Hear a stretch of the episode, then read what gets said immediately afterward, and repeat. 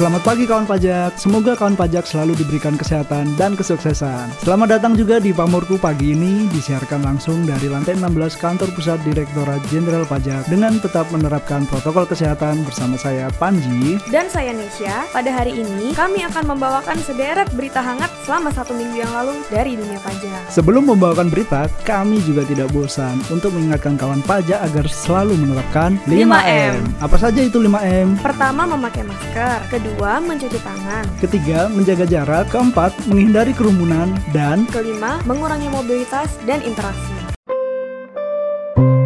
Baik kawan pajak, mengawali berita minggu ini, kami punya berita mengenai dampak relaksasi PPNBM atau pajak penjualan atas barang mewah. Wah, PMK nomor 20 yang baru saja terbit, dampaknya udah bisa kita rasain ya? Iya Nes, seperti yang kita ketahui, pada tanggal 25 Februari 2021 kemarin, pemerintah telah menetapkan PMK nomor 20 garing PMK 010 garing 2021 tentang pajak penjualan atas barang mewah atas penyerahan barang kena pajak yang tergolong mewah berupa kendaraan bermotor tertentu tertentu yang ditanggung pemerintah tahun anggaran 2021. Nah, gimana sih dampak yang dirasakan? Selama 4 hari di bulan Maret 2021 ini, permintaan mobil baru melonjak hingga 50%. Salah satu yang mengalami kenaikan pemesanan hingga 50% adalah PT Honda Prospect Motor atau HPM. Direktur penjualan PT HPM, Yusak Billy, mengapresiasi kebijakan PPNBM 0% karena bisa memajukan perekonomian melalui industri otomotif. Di sisi lain, insentif ini menjadi tantangan bagi industri mobil untuk untuk memenuhi permintaan konsumen yang meningkat. Ngomong-ngomong soal apresiasi nih, selain Honda, Wakil Presiden Direktur PT Toyota Astra Motor, Henry Tanoto, juga menyambut baik loh relaksasi PPNBM dari pemerintah karena hal ini kan merupakan stimulus positif bagi pasar mobil di tengah pandemi COVID-19. Betul banget, Nes. Sekjen Gaikindo sendiri juga menyatakan bahwa penjualan mobil di Indonesia mengalami kenaikan sejak insentif ini berlaku. Kini, Total pemesanan mobil di beberapa outlet sekitar 20 sampai 25 mobil per hari. Padahal sebelumnya hanya berkisar antara 5 sampai 6 mobil per hari. Wah, tinggi banget peningkatannya ya. Oh iya, ada kabar juga nih dari Menteri Perindustrian Agus Gumiwang yang meminta pelaku industri otomotif untuk mengoptimalkan kebijakan tersebut loh. Ya, semoga program ini dapat berjalan dengan baik, tepat sasaran, dan sesuai target ya. Amin. Oke, kabar selanjutnya apa lagi Nes? Nah, berita selanjutnya masih seputar insentif pajak nih. Selain PPNBM otomotif 0%, ada juga PPN rumah 0%. Per tanggal 1 Maret 2021, pemerintah menetapkan PMK nomor 21 garing PMK 010 garing 2021 tentang pajak pertambahan nilai atas penyerahan rumah tapak dan unit hunian rumah susun yang ditanggung pemerintah tahun anggaran 2021. Wah, setelah kemarin belanja mobil, sekarang sekarang saatnya belanja rumah nih Anes ya. Bener banget. Terus apa dampak dari aturan tersebut udah bisa dirasakan saat ini Nes? Nah, berdasarkan pemberitaan sepekan kemarin ya, para pengembang properti melaporkan penjualan rumah pada awal bulan ini melonjak hingga dua kali lipat karena stimulus perpajakan tersebut. Aku juga baca nih Nes, kalau Ketua Umum DPP Persatuan Perusahaan Real Estate Indonesia, Paulus Toto Lusida, memproyeksikan penjualan rumah tapak dan apartemen dapat meningkat 5% jika pemerintah konsisten dengan stimulus ini. Ya, semoga insentif ini membuat terserapnya rumah ready stock sehingga berdampak positif ya Mas bagi perputaran keuangan. Betul banget Nes. Ngomong-ngomong, berapa sih alokasi anggaran untuk insentif PPN properti ini ya Nes ya? Nah, sebagai bentuk dukungan pemerintah, Kementerian Keuangan mengalokasikan anggaran APBN sebesar 33,1 triliun rupiah untuk sektor perumahan pada tahun 2021.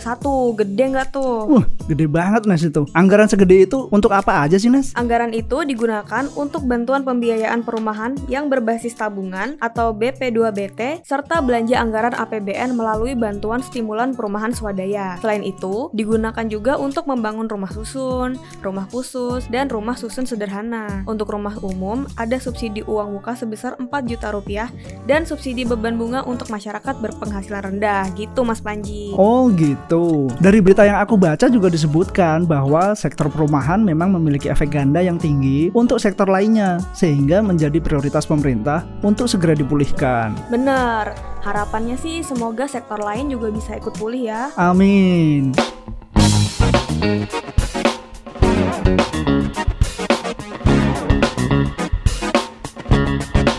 Ada kabar baik nih Mas dari pajak penghasilan. Jadi, pemerintah menetapkan hasil investasi Badan Pengelola Keuangan Haji atau BPKH bukan lagi menjadi objek PPH. Hmm, memangnya manfaat apa sih yang didapat dari pengecualian objek PPH itu, Nes? Setelah dikecualikan dari pembayaran pajak, imbal hasil BPKH akan masuk ke dalam nilai manfaat yang diterima BPKH. Nilai manfaat ini digunakan untuk empat hal. Pertama, untuk operasional BPKH maksimal 5% dari dana manfaat. Kedua, alokasi bagi biaya jamaah haji yang berangkat. Ketiga, program kemaslahatan dana abadi umat atau DAU. Dan keempat, alokasi bagi jamaah haji tunggu. Jadi manfaatnya juga bisa dirasakan jemaah haji nantinya ya Nes ya? Benar Mas Panji, semoga manfaatnya dapat segera dirasain nih sama jamaah haji.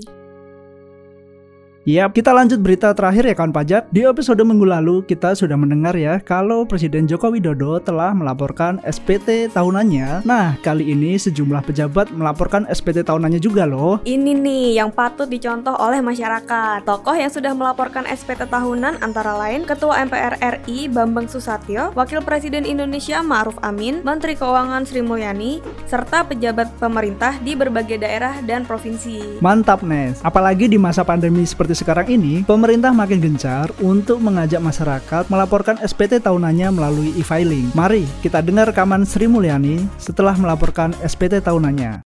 Hari ini kita semuanya telah menyampaikan SPT untuk tahun pajak 2020 yang untuk kita semuanya sebagai individu atau perorangan itu memang deadline-nya adalah akhir bulan ini yaitu pada tanggal 31 Maret tahun 2021. Kita semuanya tentu menghimbau kepada seluruh para wajib pajak perorangan atau individu untuk bisa melaksanakan kewajiban pembayaran pajak untuk tahun anggaran 2020 yang lalu di mana tenggat waktunya adalah pada akhir bulan ini tanggal 31 Maret 2021. Kewajiban untuk korporasi atau badan usaha adalah pada akhir bulan April 2021. Jadi masih ada satu bulan. Nah untuk Anda semuanya terutama para pembayar pajak individu atau perorangan meskipun saya tahu juga sama seperti kita semua di Kementerian Keuangan ini sebagian besar waktu kita tahun lalu adalah work from home namun kita tetap kewajiban untuk pembayaran pajaknya kita juga bisa sampaikan melalui SPT elektronik seperti yang baru saja kami lakukan. Jadi dalam hal ini tidak perlu harus datang ke kantor pajak dan bisa melakukannya secara elektronik. Dari tahun ke tahun kita tahu bahwa akan sudah makin meningkat penggunaan dan terutama dalam situasi Covid ini saya berharap untuk bisa menggunakan SPT elektronik secara lebih banyak dan lebih awal. Nah, Menteri Keuangan udah ngajak kita semua lapor nih. Kamu udah lapor belum? Jangan bosan-bosan ya kita ingetin terus untuk lapor. Terima kasih Nesya dan semua kawan pajak yang sudah mendengar berita Pamorku di minggu ini. Jangan lupa ya untuk update berita pajak setiap minggu melalui Pamorku, podcast berita kesayangan kita semua. Sampai jumpa.